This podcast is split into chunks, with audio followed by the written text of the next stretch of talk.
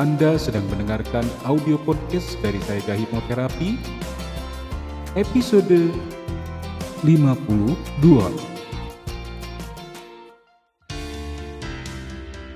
Selamat datang di serial audio podcast bersama Sayaga Hipnoterapi. Institusi penyedia layanan hipnoterapi dan konseling profesional di Kota Bandung yang membantu penanganan berbagai masalah kesehatan, emosi, dan perilaku yang mengganggu kualitas hidup. Berpijak pada nasihat luhur, eling, waspada, lan sayaga, serial audio podcast Sayaga Hipnoterapi hadir untuk membantu Anda menata kehidupan yang berkualitas secara fisik, mental, emosional, dan spiritual dengan sikap yang lebih berkesadaran, lebih berwaspada, dan lebih bersiaga. Serial audio podcast Sayaga Hipnoterapi menghadirkan inspirasi kehidupan yang diintisarikan dari berbagai keilmuan psikologi dan pengembangan diri yang juga diadaptasi dari kisah nyata para individu yang menjalani program terapi dan konseling bersama tim profesional dari Sayaga Hipnoterapi. Halo para kewargian Sayaga, jumpa lagi dengan saya, Tuntun Widianti. Semoga para kewargian selalu dalam keadaan sehat dan berbahagia di mana pun dan kapan pun Anda berada. Pada podcast kali ini, saya akan membahas mengenai tips move on dari mantan. Wah, kalau kita bicara tentang mantan, hmm, pasti sudah berpikir, wow, Oke para keluargian, putus cinta memang menyakitkan. Jika seseorang masih mencintai pasangannya, tentu hal ini akan menjadi masalah. Namun, jika sebaliknya, tentu saja dia tidak akan menjadi masalah apa-apa. Namun, pada kenyataannya, sering kali saya mendapatkannya di ruang praktek saya klien usia remaja sampai dengan dewasa awal konseling uh, atau uh, sering bercerita tentang kondisinya yang patah hati karena ditinggalkan pasangan. Nah, perilaku yang muncul banyak sekali, mulai dari hal-hal yang sangat sederhana atau ringan sampai ke hal yang berat atau ekstrim Contohnya adalah percobaan bunuh diri. Hidup memang terkadang berjalan tidak seperti yang kita inginkan. Ada saatnya kita mengalami kegagalan hubungan, apalagi jika kisah asmara yang sudah dijalani selama bertahun-tahun kandas begitu saja. Nah, setiap hubungan yang gagal memang sangat menyakitkan apalagi jika masih ada rasa sayang atau cinta. Patah hati akan membuat perasaan menjadi sedih, kecewa, atau marah yang memenuhi hati. Orang yang meninggalkan pastinya akan cepat move on. Berbeda dengan orang yang ditinggalkan, tentu akan merasa sebaliknya. Ia akan merasa bahwa dirinya adalah korban merasa dizolimi, dan akan terus terjebak dalam perasaan terluka. Nah, hal ini yang tentunya akan menjadi timbul luka batin. Dan luka batin ini biasanya akan mengarah pada ketidakberdayaan yang akan muncul pada akhirnya menyalahkan diri sendiri. Menyalahkan juga orang lain. Kenapa ya dia kok jahat banget dengan saya? Kenapa ya dia kok ninggalin saya? Atau jangan-jangan saya kurang menarik lagi, atau kurang cantik, atau mungkin hal-hal yang lainnya.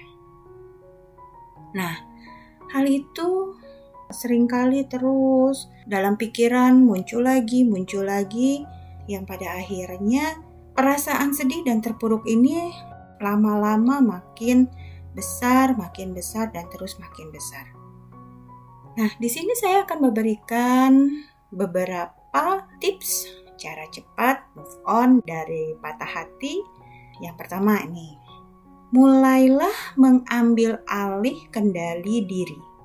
Di sini, upayakan jangan sampai terjebak dengan perasaan terluka. Yakin bahwa orang yang meninggalkan kita adalah orang yang tidak baik. Dan kita adalah memiliki keyakinan bahwa nanti akan diberikan atau digantikan oleh orang yang lebih baik dari dia. Yakin bahwa orang yang tepat akan mendapatkan orang yang tepat lagi. Jadi, jangan terlalu terpuruk oleh perasaan bahwa kita ini ditinggalkan karena kita yang tidak baik untuk dia. Tapi yakinkan bahwa dia yang tidak baik untuk kita.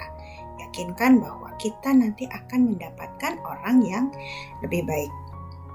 Nah, yang kedua adalah terima dengan ikhlas apa yang sedang terjadi. Perasaan kesal, marah, sakit hati setelah putus ya memang itu wajar. Kawargian mungkin akan marah untuk waktu yang lama jika memang hal ini terjadi pada para kawargian. Tapi jika kita tetap marah, hal itu hanya akan membuat kita menjadi stres. Nah, cara pertama untuk melupakan mantan yang masih dicintai adalah menerima apa yang terjadi. Inilah saatnya mulai mencoba langkah pertama ini. Mulailah untuk menerima dan jangan terlalu memikirkan lagi apa uh, apalagi sampai menganalisa hal-hal yang secara berlebihan. Mulailah para kawargian harus menerima bahwa hubungan ini telah berakhir dan berhenti berhenti untuk terus memohon pada dia untuk kembali lagi pada kita. Nah, ini akan menimbulkan kita menjadi tambah sakit. Cara yang baik untuk menerima apa yang terjadi adalah dengan bisa kita menuliskan perasaan-perasaan kita nggak harus terlalu bagus tapi tuangkan semua apa yang menjadi perasaan kamu atau perasaan pekawargian di atas kertas itu. Kemudian uh, boleh ditempel di dinding. Lakukan hal ini sampai perasaan ini merasa menjadi lebih plong atau lebih ringan lagi. Nah kemudian yang ketiga adalah beri waktu dirimu untuk pulih dari putus cinta di sini nih, kesalahan terbesar yang sering dilakukan orang ketika mencoba untuk move on itu adalah melakukan aktivitas yang buruk seperti melukai diri sendiri, mabuk, atau hal-hal lain yang mungkin merugikan diri sendiri. Jangan sampai hal ini dilakukan oleh para kawargian. Namun, berikan dirimu waktu waktu untuk sembuh dengan melakukan aktivitas yang positif. Misalnya, melakukan kegiatan olahraga, jalan-jalan, nonton film, makan di luar dengan teman-teman, atau hal lain apa pun yang positif. Nah, dampak positif ini akan terasa pada kesehatan mental dan diri kawargian sendiri. Di sini ada kata bijak yang mengatakan bahwa bersabarlah dengan waktu dan biarkan waktu yang akan menyembuhkan luka. Nah, sekarang tips yang berikutnya adalah di sini para kawargian harus mencoba untuk belajar merelakannya. Hal ini memang tidak mudah, namun Merelakan atau melepaskan adalah fase yang paling krusial dan tersulit dalam setiap hubungan. Ada terlalu banyak kenangan dan mungkin kawargian juga merasakan untuk melupakan kenangan itu terasa mustahil. Kalau misalnya kita sedang jalan di mall, ih jadi teringat dulu pernah jalan berdua dengan mantan atau misalnya lewat ke tempat makan yang biasa dilalui atau yang pernah uh, yang biasa makan di sana kalau misalnya lewat ih ingat lagi. Tentu saja hal-hal yang uh, banyak hal yang pasti para kawargian ini jadi ingat momen-momen bersama dengan mantan. Mungkin kawargian juga merasa telah meluangkan begitu banyak waktu, tenaga, air mata untuk mempertahankan suatu hubungan dengan sang mantan. Tapi hasilnya ternyata tidak ada. Nah, di sini cobalah untuk sedikit-sedikit merelakan. Di balik itu semua, Kawargian harus tetap memikirkan diri sendiri. Kawargian harus menghormati dan menghargai diri sendiri lebih dari siapa pun. Jangan pernah bergantung pada seseorang yang tidak menghargaimu, apalagi membuatmu sakit. Kamu harus bisa belajar merelakan, harus bisa belajar untuk bisa mengembangkan diri. Ya, baik. Untuk yang berikutnya, jangan terlalu kejam pada diri sendiri. Nah, sekarang waktunya untuk menyalahkan orang lain atau menyalahkan seluruh dunia karena berpisah dengan dia. Mulailah menghadapi kenyataan bahwa orang yang paling membuatmu marah adalah sebenarnya dirimu sendiri. Karena di sini kamu sedang menghukum dirimu sendiri dengan melakukan perilaku yang merugikan dirimu.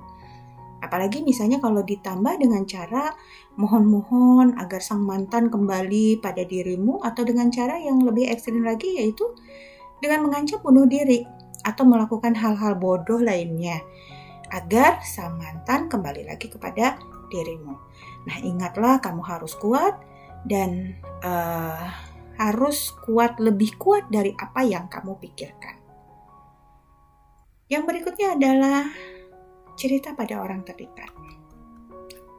Memendam perasaan sendiri memang gak enak.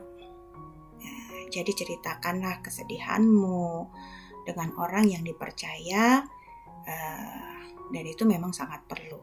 Nah, hal ini agar unek-unek yang ada di dalam dirimu bisa kamu lakukan.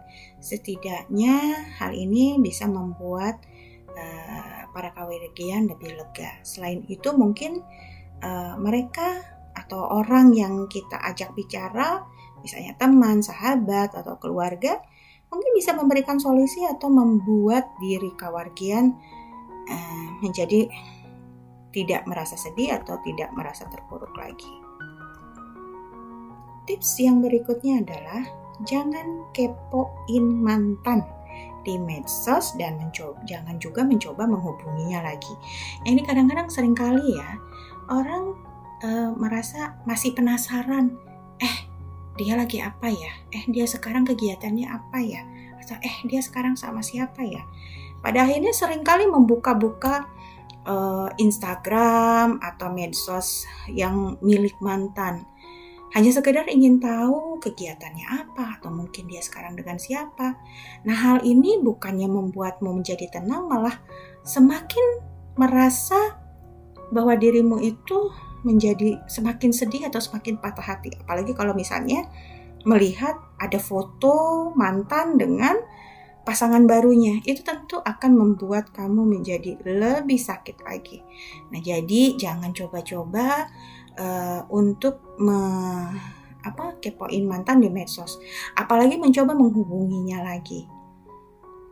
Iya, kalau misalnya dia mau menerima uh, apa ajakanmu misalnya untuk ketemu lagi atau sekedar membalas WhatsAppmu atau uh, misalnya mau mengangkat teleponmu kalau seandainya tidak apa itu jadi ma malah menjadi masalah baru bukannya kamu menjadi uh, apa namanya uh, sembuh dari luka batinmu malah tambah lagi merasa sakit nah jadi hindari untuk ingin tahu Eh, kegiatan mantanmu atau ingin tahu tentang mantanmu atau bahkan menghubungi mantanmu.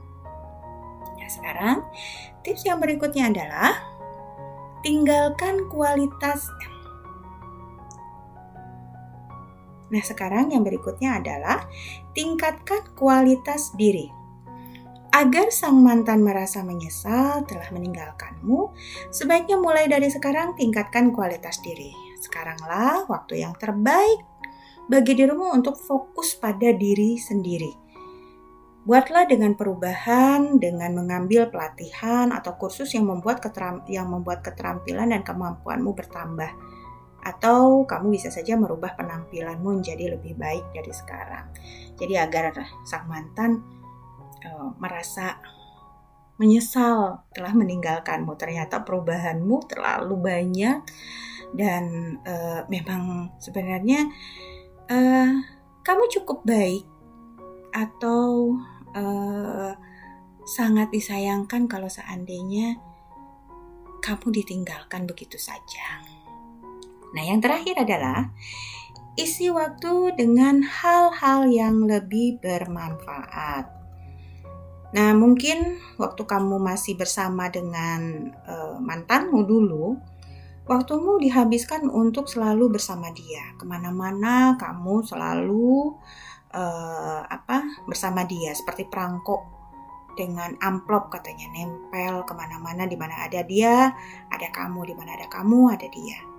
Sehingga kamu uh, waktumu itu habis bersama dia dan kamu tidak punya waktu untuk keluarga atau bersama sahabat-sahabatmu. Nah, mulai dari sekarang, uh, mulailah untuk berkumpul bersama dengan keluargamu atau dengan sahabat-sahabatmu. Kamu bisa juga fokus sama dirimu sendiri dengan melakukan hobi atau kegiatan yang kamu sukai. Yang tadinya sebelumnya kamu tidak pernah bisa punya waktu untuk hobimu. Um, anggap aja ini sesuatu yang lebih baik, artinya kamu bisa menjadi lebih baik untuk sahabatmu, untuk keluargamu, kualitas waktumu bisa untuk mereka dan untuk dirimu sendiri. Nah, yang terpenting adalah ambil lagi kendali dirimu. Jangan sampai kamu terpuruk dan terus berada dalam kesedihan. Demikian para kawargian sayaga, semoga podcast kali ini bermanfaat. Salam sejahtera, sampai jumpa lagi.